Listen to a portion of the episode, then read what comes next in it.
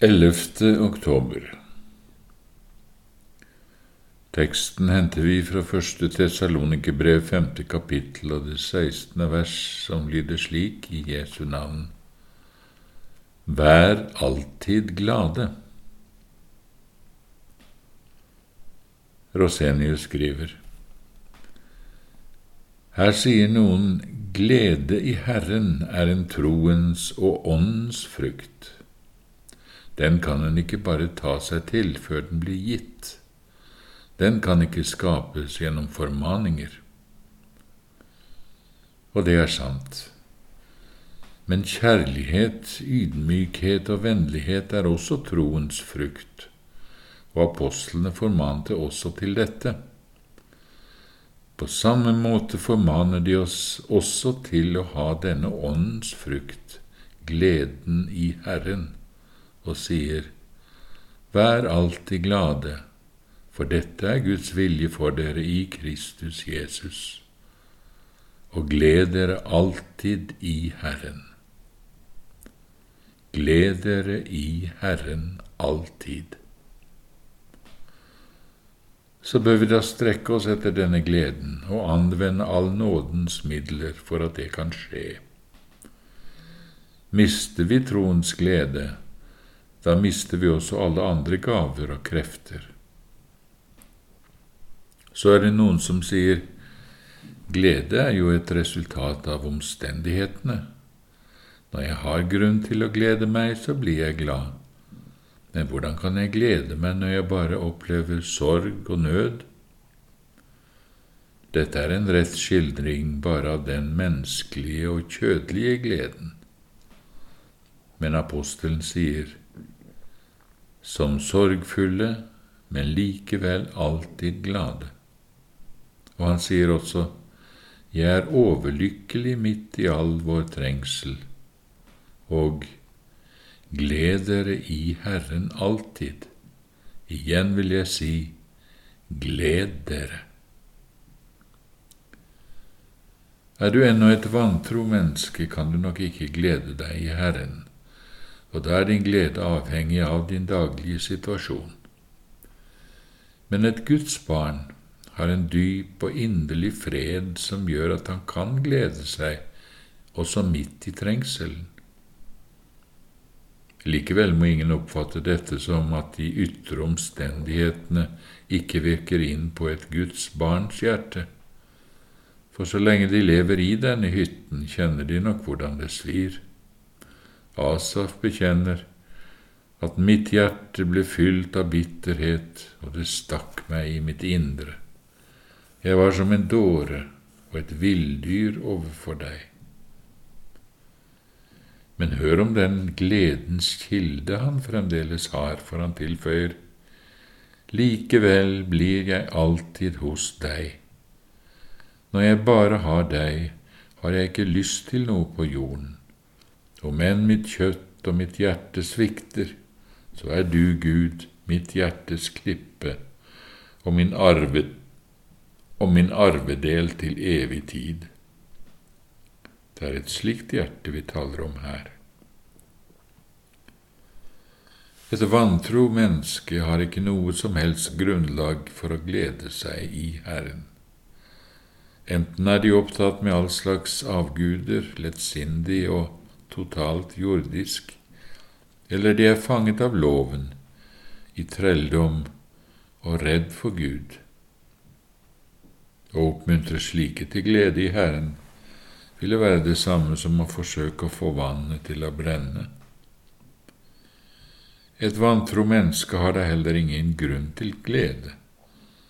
Det er bare det ynkeligste vanvidd at et verdens barn et eneste øyeblikk kan le det lever jo under den allmektiges vrede og er på vei til den evige død. Så er det da heller ikke noen apostel som har oppfordret slike ulykkelige mennesker til å glede seg. Til dem sies det derimot gråt og klag på grunn av alle de ulykkene som skal komme over dere. Nei, her tales det til de gjenfødte nådebarna den allmektige Guds venner. Og disse har virkelig grunn, ja, all mulig grunn til alltid å glede og fryde seg, selv når de verste jordiske ulykker og sorger rammer dem. De er bestandig lykkelige. Om de ikke alltid er glade, er de likevel alltid lykkelige, og derfor bør de da også alltid glede seg. Men ingen kristen mestrer ennå den kunsten å alltid glede seg. Følelsene går sine egne veier og veksler som skyene på himmelen. Likevel har de alltid grunn til å glede seg fordi de alltid er lykkelige. Se, dem som holder ut, priser vi salige. For det andre finnes det også en dypere glede enn den følelsene gir oss, en samvittighetens, en troens glede som sier jeg er likevel glad, selv om jeg akkurat nå ikke kjenner så mye til gleden, er jeg likevel glad for at jeg har en Herre som er min venn, en skatt som langt overgår alt annet. En slik glede er det de kristne bør ha. Det er dette apostelen formaner til når han sier Gled dere alltid. Men han oppgir også grunnen til dette, for han tilføyer i Herren. Legg merke til det. I Herren. Ikke i gull eller sølv, ikke i selvsikkerhet og oppvisning, ikke i helse eller styrke, ikke i kunst eller visdom, ikke makt og ære, ikke i vennskap og popularitet, ja, ikke engang i gode gjerninger eller hellighet for alt dette vil bare bli en bedragersk og falsk fryd. Dette er ikke noe dere skal få glede dere i lenge hvis dere er ekte barn som lever i Guds hellige ånds skole. Dette er også en farlig glede som drar hjertet bort fra Herren, og han vil være sine barns eneste glede og skatt. Alt dette gir også en kort glede, selv for verdens mennesker. Hvis dere derfor vil glede dere alltid, ja, i all evighet, må deres glede være i Herren.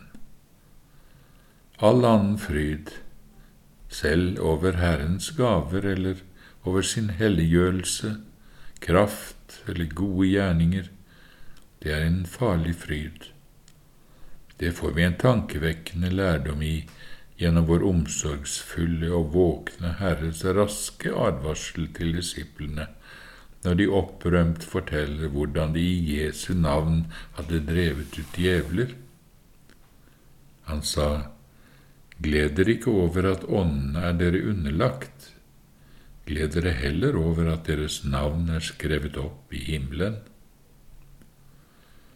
Herrens ånd advarer oss på samme måte gjennom profeten.